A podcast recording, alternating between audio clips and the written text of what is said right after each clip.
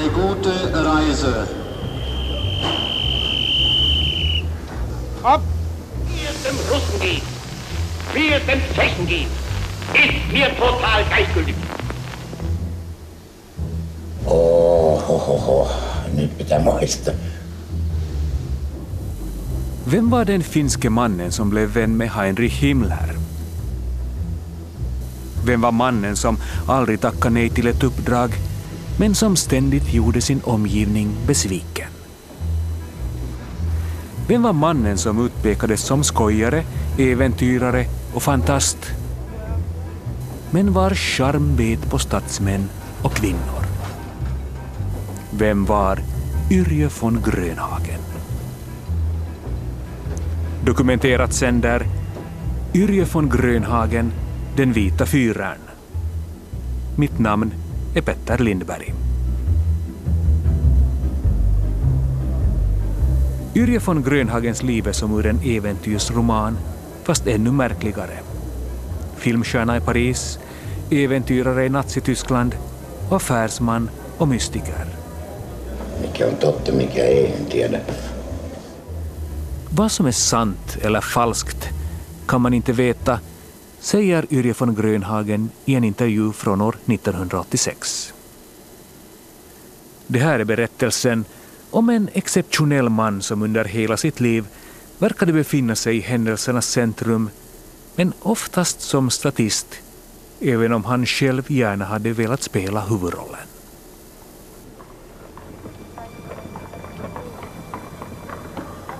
Yrje von Grönhagen är nästan jämnårig med republiken Finland.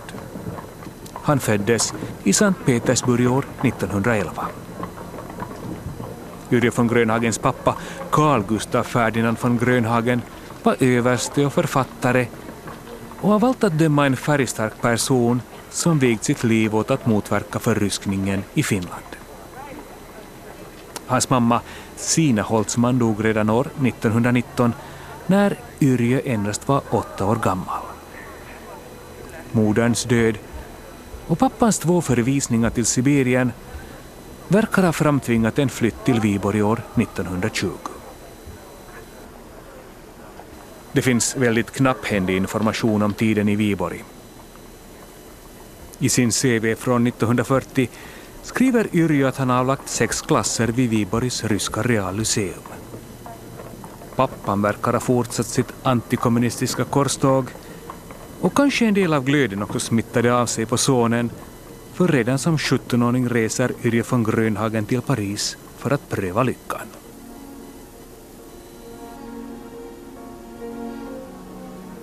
Yrje von Grönhagen är ärgirig och bär på konstnärs drömmar.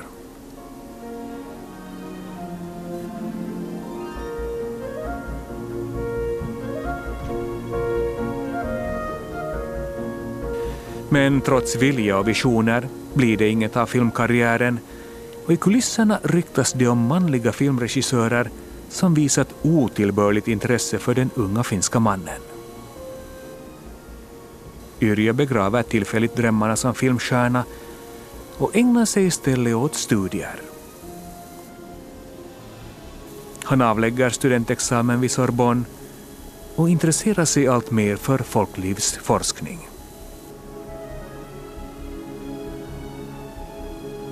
Yrje tycks ha varit övertygad om att hans misslyckande i Paris berodde på att han var före sin tid och att andra inte förmådde upptäcka hans talang. Redan tidigt visar Yrje von Grönhagen på en närmast övermänsklig tilltro till de egna färdigheterna. Han kan vad som helst och han är dessutom bra på att övertyga andra om sin egen förträfflighet. Dessutom är han bra på att gå vidare och lämna misslyckandena bakom sig som om de aldrig inträffat. Men i en hemligstämplad rapport från 1937 finns några omnämnanden som ändå förstärker bilden av en lurendrejare och mytoman. Man undrar naturligtvis över hur Yrjö klarade livhanken i Paris. Det finns omnämnanden om att han skulle ha livnärt sig som tjuv, skojare och kavaljer åt äldre kvinnor. Efter det misslyckade gästspelet i filmbranschen återvänder Yrjö von Grönhagen till Finland år 1932. Det är värnplikten som kallar hem den unga äventyraren, men när tjänstgöringen är slut återvänder han genast till Paris. År 1935 osar det bränt. Har Yrjö verkligen stulit smycken och löständer i guld för att klara livhanken, som det antyds i en hemlig rapport? Är polisen honom hack i häl? Är det därför han tvingas lämna Paris? Minä tein siihen aikaan jalkamatkan Pariisista tänne Suomeen. Sommaren 1935 påbörjar Yrje von Grönhagen sin vandring från Paris.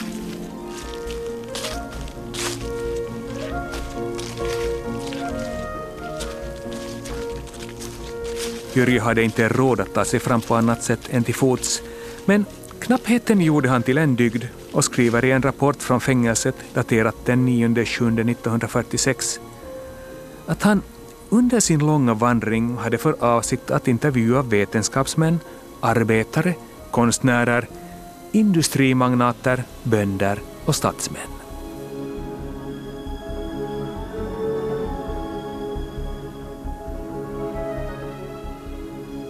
En man som inte kan rätta sig i ledet är dömd att vandra ensam. En man som inte kan erkänna en flykt maskerar den istället till en vetenskaplig expedition.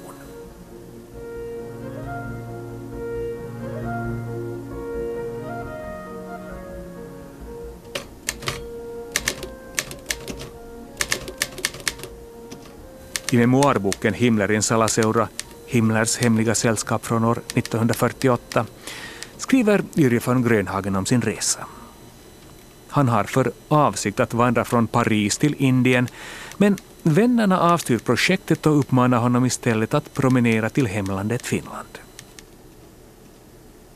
Det låter också som en god idé, i synnerhet som han börjat intressera sig för det andliga arvet i Karelen med shamaner, siare och trollgummor.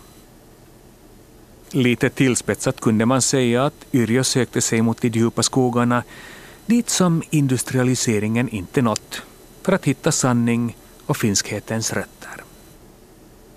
Det gjorde han iförd tropikhjälm och kakifärgad promenaddräkt, en klädsel som minsann väckte uppseende när han nådde Belgien.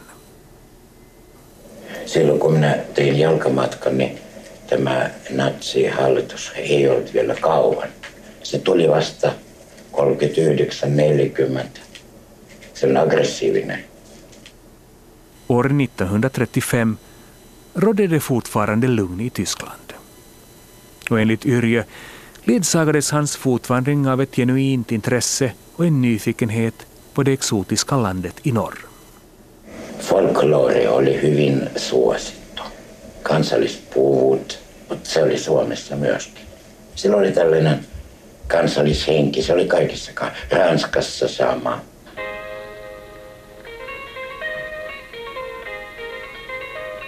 Suomi oli se sellainen neito, joka istui järven rannalla. Keskiyön aurinko paistaa ja soitta kantiletta, jotain sellaista. Yrje von Grönhagen berättade gärna om sjöar, holmar och midnattssol och naturligtvis om renarna i Lappland. Kun tapasi jonkun saksalaisen ja kuule, ai te olette suomalainen. Ai, teillä on nyt järviä ja saaria ja keskiyön aurinko ja poroja ja no, tällaista exotiikkaa. Men det är inte bara naturmystiken som förenar. Det finns något i det självmedvetna Tyskland som tilltalar många, även i Finland.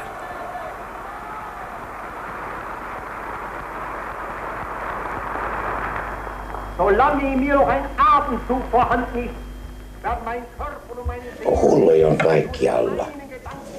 Mutta jos hullut joutuvat valtion johtoon, niin se on vaarallista. Ja Saksassa oli tapahtunut näin.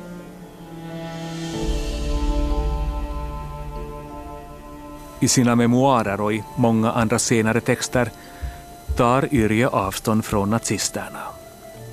Men samtidigt kan man mellan raderna avläsa den begeistring som Yrje erfar när han kommer till Tyskland. Han känner helt enkelt den ariska samhörigheten mellan finnar och tyskar. Se oli kausi sellainen, että mystikka kiinnosti. Mutta ja mystikka johti sitten ikävin seurauksin. Men 1935 är allting ännu frid och fröjd. Yrjö lever ett bekymmerslöst liv som vandringsman, knackar på hos det belgiska kungaparet eftersom han fått för sig att den svenskättade drottningen vill tala svenska och blir halvt om halvt adopterad av en tysk bilfabrikör eftersom han finner Yrjö vara en så trevlig ung man. Samtidigt drömmer Yrjö om att få Hitlers autograf i sin resedagbok eller en skymten av fyren när han glider förbi i sin svarta bil på väg till något möte i München. Wer Nation aber feig oder charakterlos in den Rücken fällt, wird unter allen Umständen eines schipprigen Todes sterben.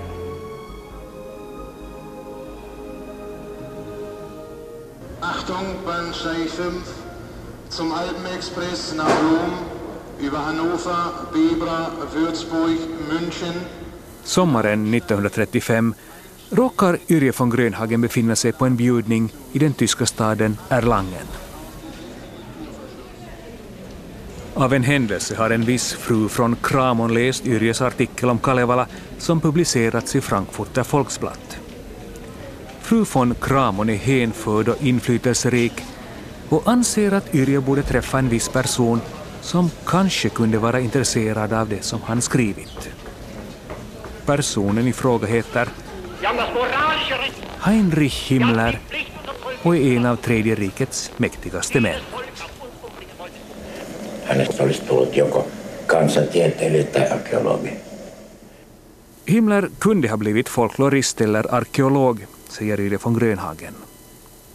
Istället blev han chef för ett förintelsemaskineri. Men det hindrade honom inte från att odla sina särintressen, naturmystik, ockultism och uråldriga folkslag. Saksassa oli silloin romanttinen germaaninen myytti. Kulttuuri on syntynyt pohjois Germanit ovat alkukansa ja suomalaisissa on parhaiten säilyneet nämä mystiset ominaisuudet.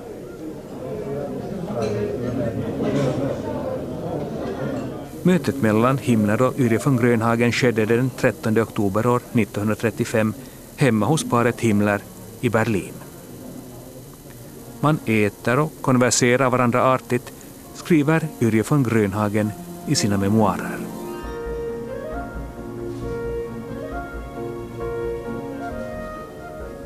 Via Himmler kommer han också i kontakt med andra personer i hans närkrets, såsom professor Langsdorff och den nazistiske mystikern Karl Maria Willigut, som av eftervärlden tilldelats namnet Himmlers Rasputin. Mutta hänen ympärillä oli kaikenlaisia onnenonkijoita ja sevännäkijöitä ja Siare och lycksökare är Yrjös dom över alla de som svärmade kring Himmler. Och då bortser han naturligtvis från sig själv, även om han om någon kunde tillräkna sig fördelar som få andra i Nazityskland endast kunde drömma om. propaganda tai viha, se ei ollut silloin, se oli sodan aikana. Till Yrjös försvar måste man säga att han år 1935 var drygt 20 år gammal och ingalunda den enda som hänfördes av tidsandan. Att Heinrich Himmler av alla intresserade sig för hans forskning måste dessutom ha varit ytterst smickrande. Yrje utmålade Karelen som ett mystiskt och mytomspunnet ställe varpå Himmler erbjöd Yrje att personligen åka på en expedition till Karelen.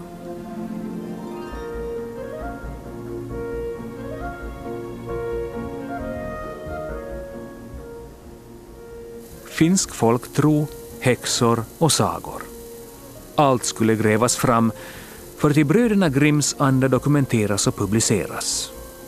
Och på köpet skulle man enligt Himmler dessutom kunna fastställa de ariska likheterna mellan Finland och Tyskland.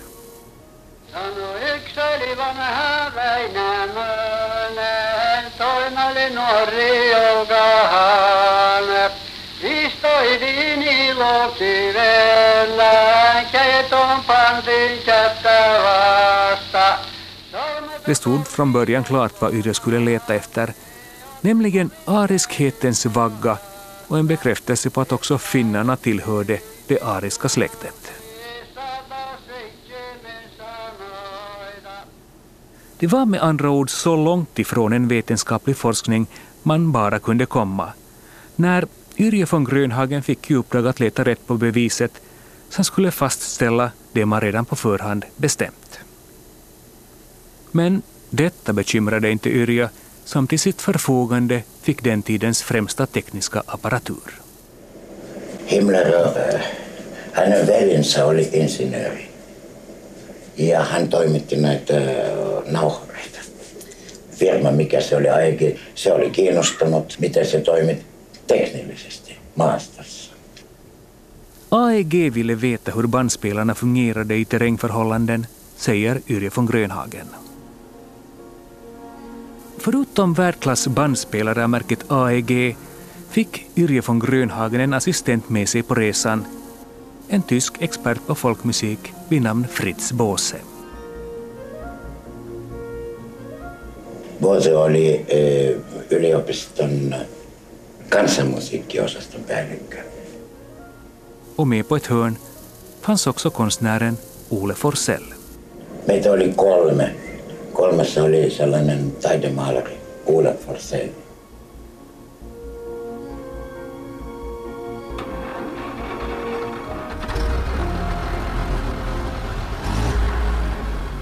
Och så var det äntligen iväg från Helsingfors och därifrån vidare österut där man hade för avsikt att göra bandinspelningar och filma.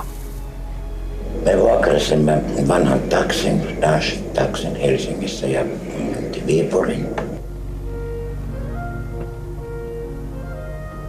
Expeditionen besökte under en sommarmånad Käkisalmi, Konevitsa, Sordavala, Tolvajärvi, Salmi, Suojärvi och på vägen gjorde man bandupptagningar och filmade små snuttar.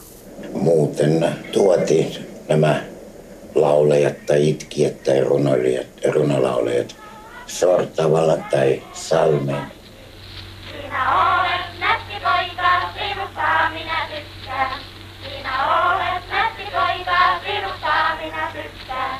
Resan till Karelen verkar ha förlöpt väl, även om den bjuder på några dråpliga incidenter. Bland annat vill en urgammal trollkunnig kvinna på 92 år göra Yrjö till sin man och efterträdare. Oli erittäin hyvä yksi noita, Miron Aku. Hän pyysi minut naimisiin. Minä olin 24-vuotias. Sanoi, että hän haluaa siirtää koko tietonsa oppilaalle. Och i något skede påstår Yrjö att en trollpacka medvetet lurat dem att åka fel. Me tiesimme, mihin on mentävä, mutta me mentiin väärin. Ja siinä oli paljon pikkupoikia, sanoi, että tämä on väärä tie. Förutom bandupptagningar gjorde Yrje von Grönhagen även filminspelningar i Karelen. De har tyvärr förstörts eftersom originalmaterialet låg på väldigt lättantändliga filmspolar. Men eh, från Karelen hade han också med sig olika föremål och en kantele som Himmler skulle få. Minä toin hänelle kantelen, siis viisikielisen kantelen. Yrje von Grönhagen och Fritz Bose var tillbaka i Berlin. De besökte Himmler i hans villa i januari 1937. Hän oli siis kiinnostunut ja kut- kutsi vuosia minut kotiinsa syömään ja sitten me toimme nämä materiaalia ja lahjoja. Man åt och drack och Himmler försökte spela på den kantele som medförts från Finland. SS Reisfyren blev förtjust över instrumentet och tyckte att sådana genast borde beställas mer av för att förgylla SS-männens kvällar på kompanierna. Vad skulle vara trevligare än att med kantelens hjälp åkalla de uråldriga tiderna.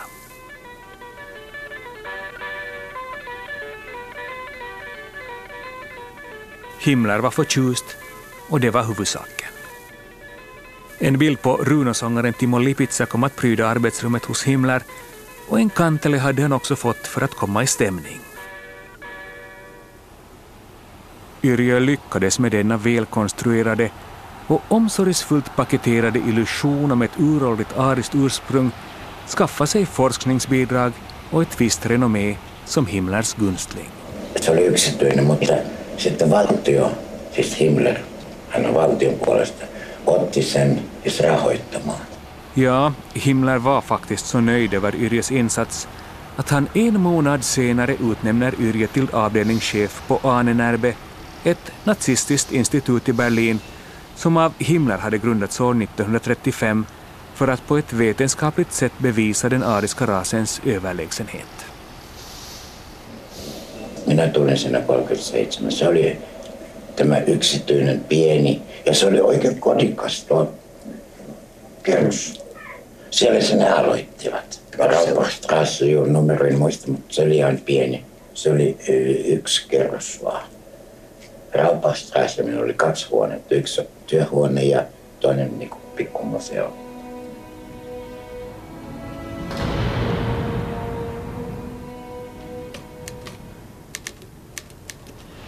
Täten ilmoitan teille, että maaliskuun ensimmäisenä päivänä 37 on Berliinissä tutkimuslaitokseen Das Ahnenerbe perustettu osasto Pflegestätte für Indogermanisch-Finnische Kulturbeziehungen ja että minut on nimitetty sen esimieheksi kunnioittain osastonjohtaja Yri Grönhagen.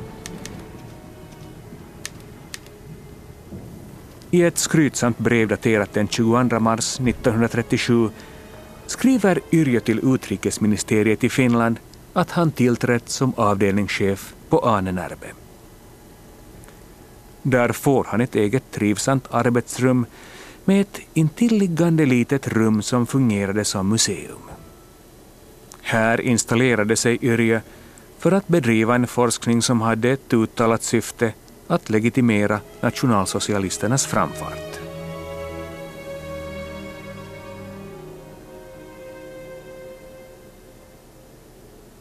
Bakom ett bländverk av heroism kunde man alltså mildra de mer kontroversiella åsikterna om ett ariskt släktskap. Men i Yrjös fall var det också frågan om ett väldigt medvetet val att sammanlänka finsk och tysk hegemoni med varandra.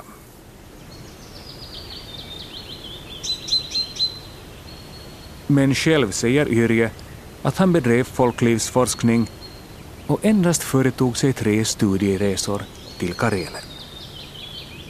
Minä suoritin silloin Ahnenerbeä varten kansantieteellisiä tutkimuksia kolmena kesänä. Etupäässä minä tutkin kansatiedettä materiaalien kerästä, ei muuta.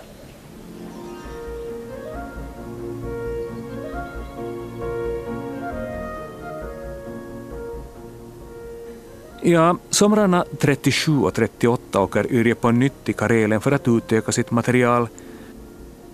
Men vid det här laget har den nya ledningen på Ahnenerbe redan börjat tycka att Yrjö inte är vuxen sin uppgift som avdelningschef och att hans akademiska insatser och meriter är minst sagt bristfälliga.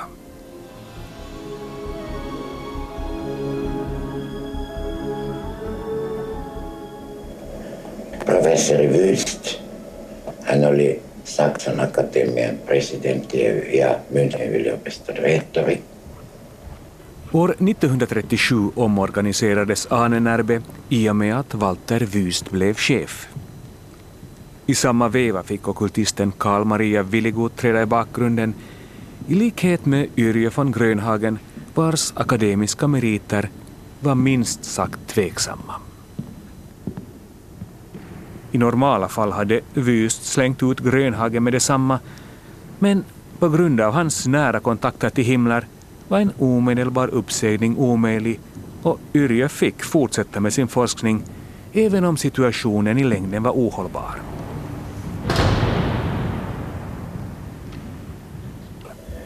professori Wyst, joka oli Annenerben presidentin täpää, kysyi milloin väitöskirjan valmistuu.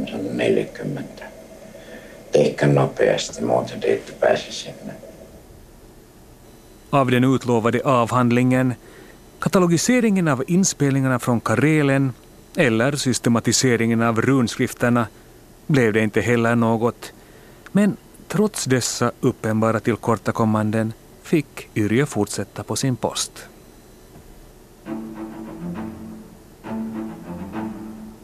Listan över Yrjös underlåtelser var lång och man kan med fog undra hur en dilettant kunde hänga kvar så länge. Svaret stavas naturligtvis Heinrich Himmler. I fyra års tid lyckades Grönhagen övertyga Himmler om sin oumbärlighet. Ahnenerbes generalsekreterare Wolfram Sivers hade inte heller några höga tankar om Yrje von Grönhagen. Och trots att Yrje säger sig ha lämnat Ahnenerbe frivilligt år 1939 så finns det omständigheter som talar för det motsatta. It seems to me very probable that the fighting in France will continue to provide a subject Yrje von Grönhagen hade lyssnat på engelska radioutsändningar och fått höra att Sovjets angrepp var en del av Stalins pakt med Hitler. Det här gjorde Grönhagen så upprörd att han talade vitt och brett om det på engaged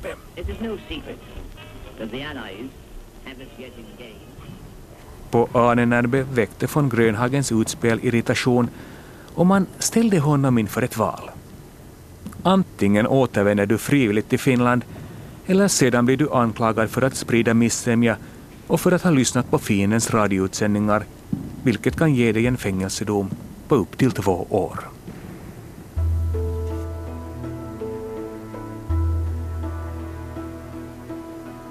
Yrje von Grönhagens tid på det nazistiska Ahnenerbe var därmed över.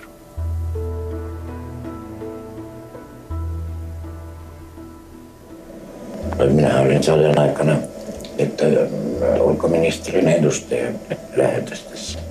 Minä olin kaiken nuorin. Ja lähetystössä myös Ahnenerbissä minä olin nuori. Än en gång lyckas Yrje von Grönhagen ordna det för sig. Utan formell utbildning och kompetens blir han tjänsteman i Berlin.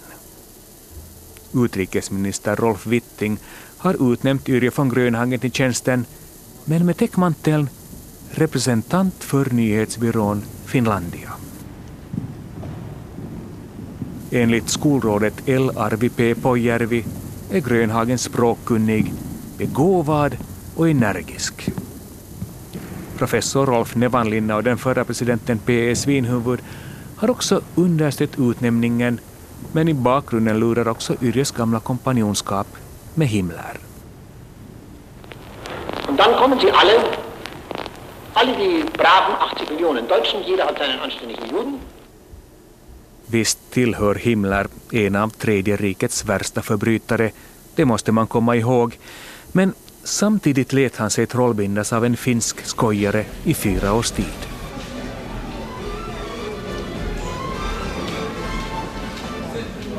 Tjänsten som kulturattaché verkar Yrje von Grönhagen ha skött med samma förströddhet som kännetecknat alla tidigare jobben. Yrje von Grönhagen verkade ha varit en sorglös typ som inte gjorde några långsiktiga planer utan var nöjd om han visste vad som skulle hända nästa vecka.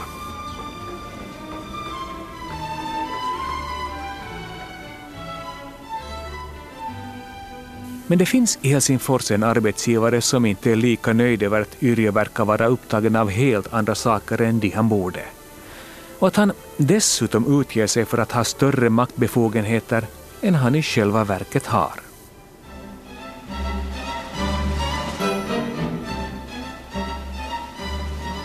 Hänellä on vilkas ja nopea äly ja hänen lahjakkuuttaan todistaa sekin, että hän oman kertomuksensa mukaan osaa täydellisesti suomea, ruotsia, venäjää, saksaa ja ranskaa sekä auttavasti myöskin englantia. Kuitenkaan ei hänen arvostelukykyään voida pitää ensiluokkaisena, mitä todistaa sekin, että hänellä on aivan liian suuria suunnitelmia ja koko lailla suuret luulot itsestään. Helsingissä helmikuun 18. 1940 alla PK lienee Paavo Kastari. Yrje von Grönhagen är snabbtänkt och behärskar en massa språk. Men han saknar omdöme och har alldeles för höga tankar om sig själv, skriver juristen och ämbetsmannen Paavo Kastari i en hemligstämplad rapport från år 1940. Och Paavo Kastari är ingalunda den enda som uttrycker sitt missnöje över Yrjös arbete på ambassaden.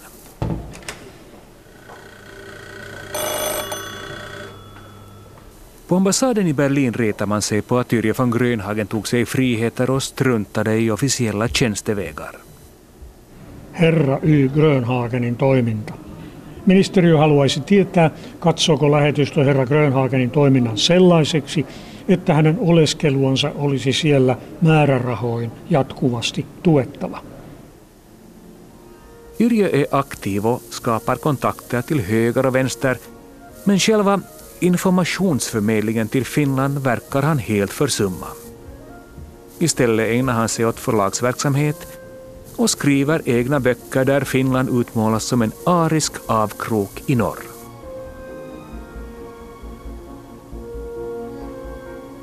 I en brevväxling i augusti 1941 framgår det att ministeriet vill avskeda von Grönhagen eftersom man anser att han misslyckats med sina uppgifter att knyta kontakter mellan Finland och Tyskland.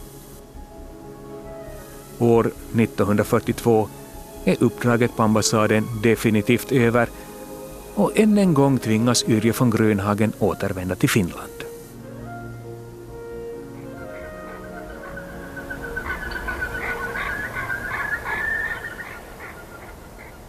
Huvudstabens militärhistoriska avdelning samlar in krigsmaterial för ett påtänkt krigsmuseum och den som vidtalas för uppdraget är Yrje von Grönhagen. Inte heller den här gången är han särskilt nödbedd.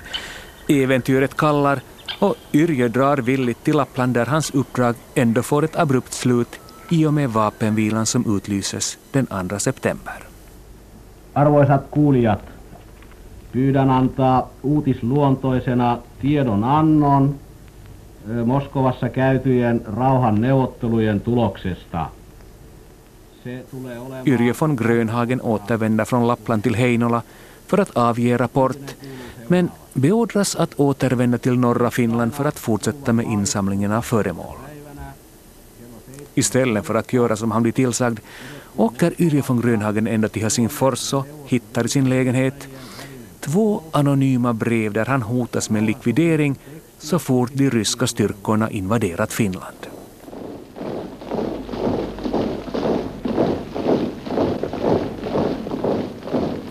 I Finland fruktar man en rysk invasion. Yrje von Grönhagen har ingen lust att invänta ett ryskt maktövertagande och en säker död och bestämmer sig därför för att fly. Alternativen är Sverige och naturligtvis Tyskland där han fortfarande hoppas att himlen ska lägga sin beskyddande hand över honom.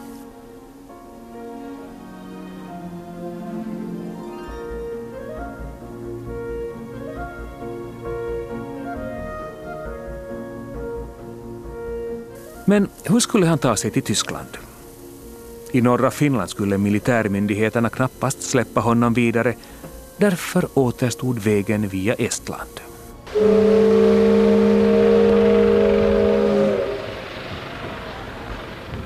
Den 14 september, knappt två veckor efter vapenvilan, kliver Yrje von Grönhagen ombord på det tyska fartyget Rogart. Han saknar pass men lyckas ändå via omvägar ta sig till Berlin. I hopp om att ännu ställa sakerna till rätta telegraferar Yrje von Grönhagen till Himmlers stabschef general Wolf för att om möjligt ännu få audiens hos sin gamle beskyddare.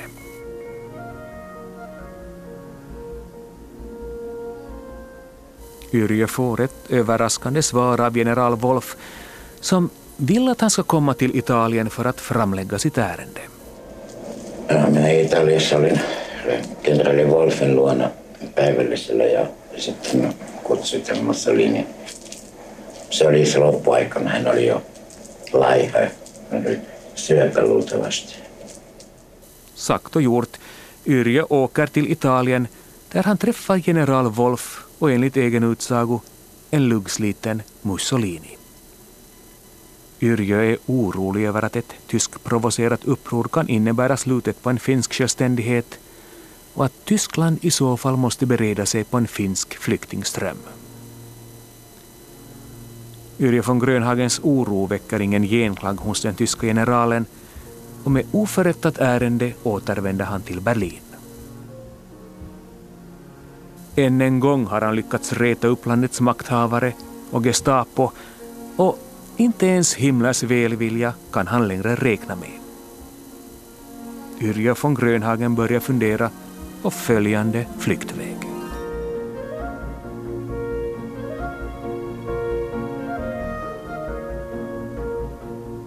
Flyktvägen uppenbarar sig oväntat när hustrun Herta von Grönhagen meddelar att radiostationen som hon jobbat vid ska evakueras till Norge.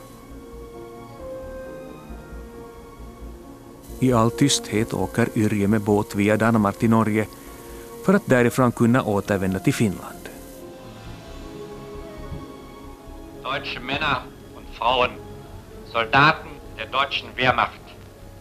Unser Führer Adolf Hitler ist gefallen. Men Tysklands kapitulation ställer än en gång till det för Yrje som i Oslo tvingas anmäla sig som flykting för Röda Korset.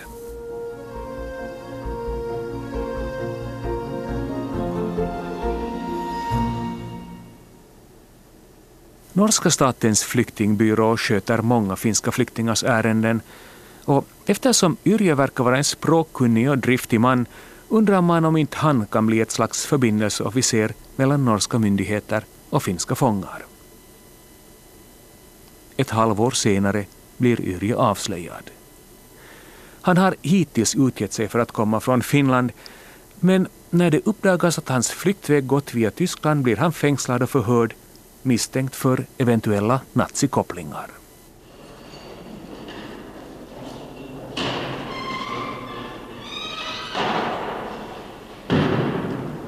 I nästan ett helt år sitter Yrjö i norskt fängelse, förhörs av både norrmän och britter, men eftersom inget kriminellt kan påvisas släpps Yrjö fri den 28 juni år 1947. När han frågar en engelsk officer varför processen varit så utdragen säger han att den finska ambassaden förmodligen hade glömt att hämta sin medborgare något som man kanske får tolka som en senkommen hämnd av utrikesministeriet i vars tjänst Yrjö gjort sig impopulär.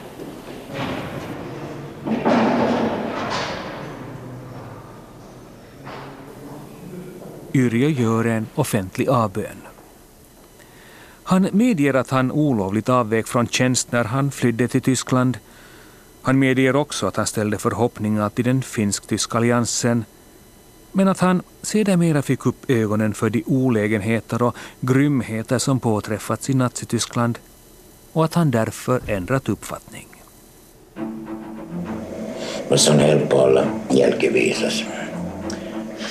Nyt on helppo sanoa, että Chamberlainin olisi pitänyt silloin 38, kun se oli ja Ranskan julista sodan, mutta hän uskoi todella, että voi sopia. Jag vill bara mitt lands bästa, säger Yrje von Grönhagen. Trots det blir han i Finland dömd för fanflykt och landsförräderi till ett och ett halvt års fängelse även om förmildrande omständigheter föreligger. I fängelse författar Yrje von Grönhagen en lång försvarsskrift där han anser sig orättfärdigt behandlad, men också blickar framåt precis som han alltid gjort. Han drömmer om en ny världsordning och avslutar sin skrift med orden det dröjer kanske några år innan jag igen kan tala och skriva fritt. Men då vet jag vad jag ska göra. Jag kom hit för att bygga upp ett Finland utan rädsla och hat.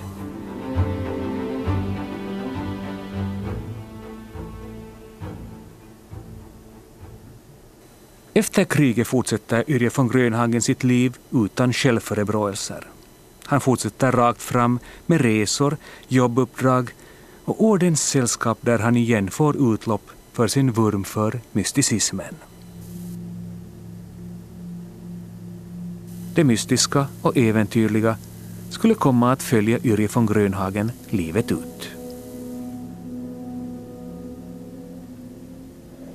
Tietäjä on hyvin, hyvin.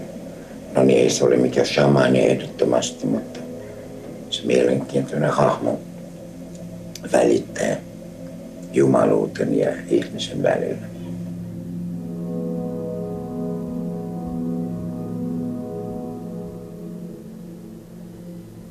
År 1964 flyttar Yrje von Grönhagen till Kreta där han grundar Konstantin den stores orden.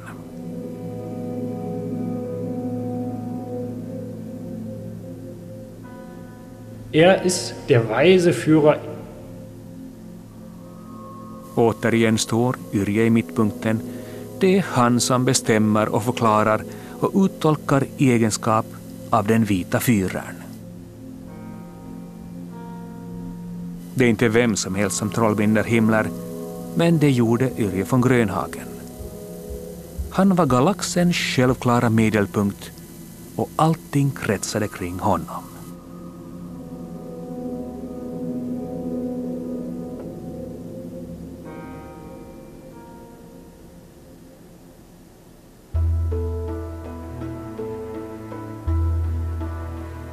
Har hört Yrje von Grönhagen, Den vita fyraren av mig, Petter Lindberg.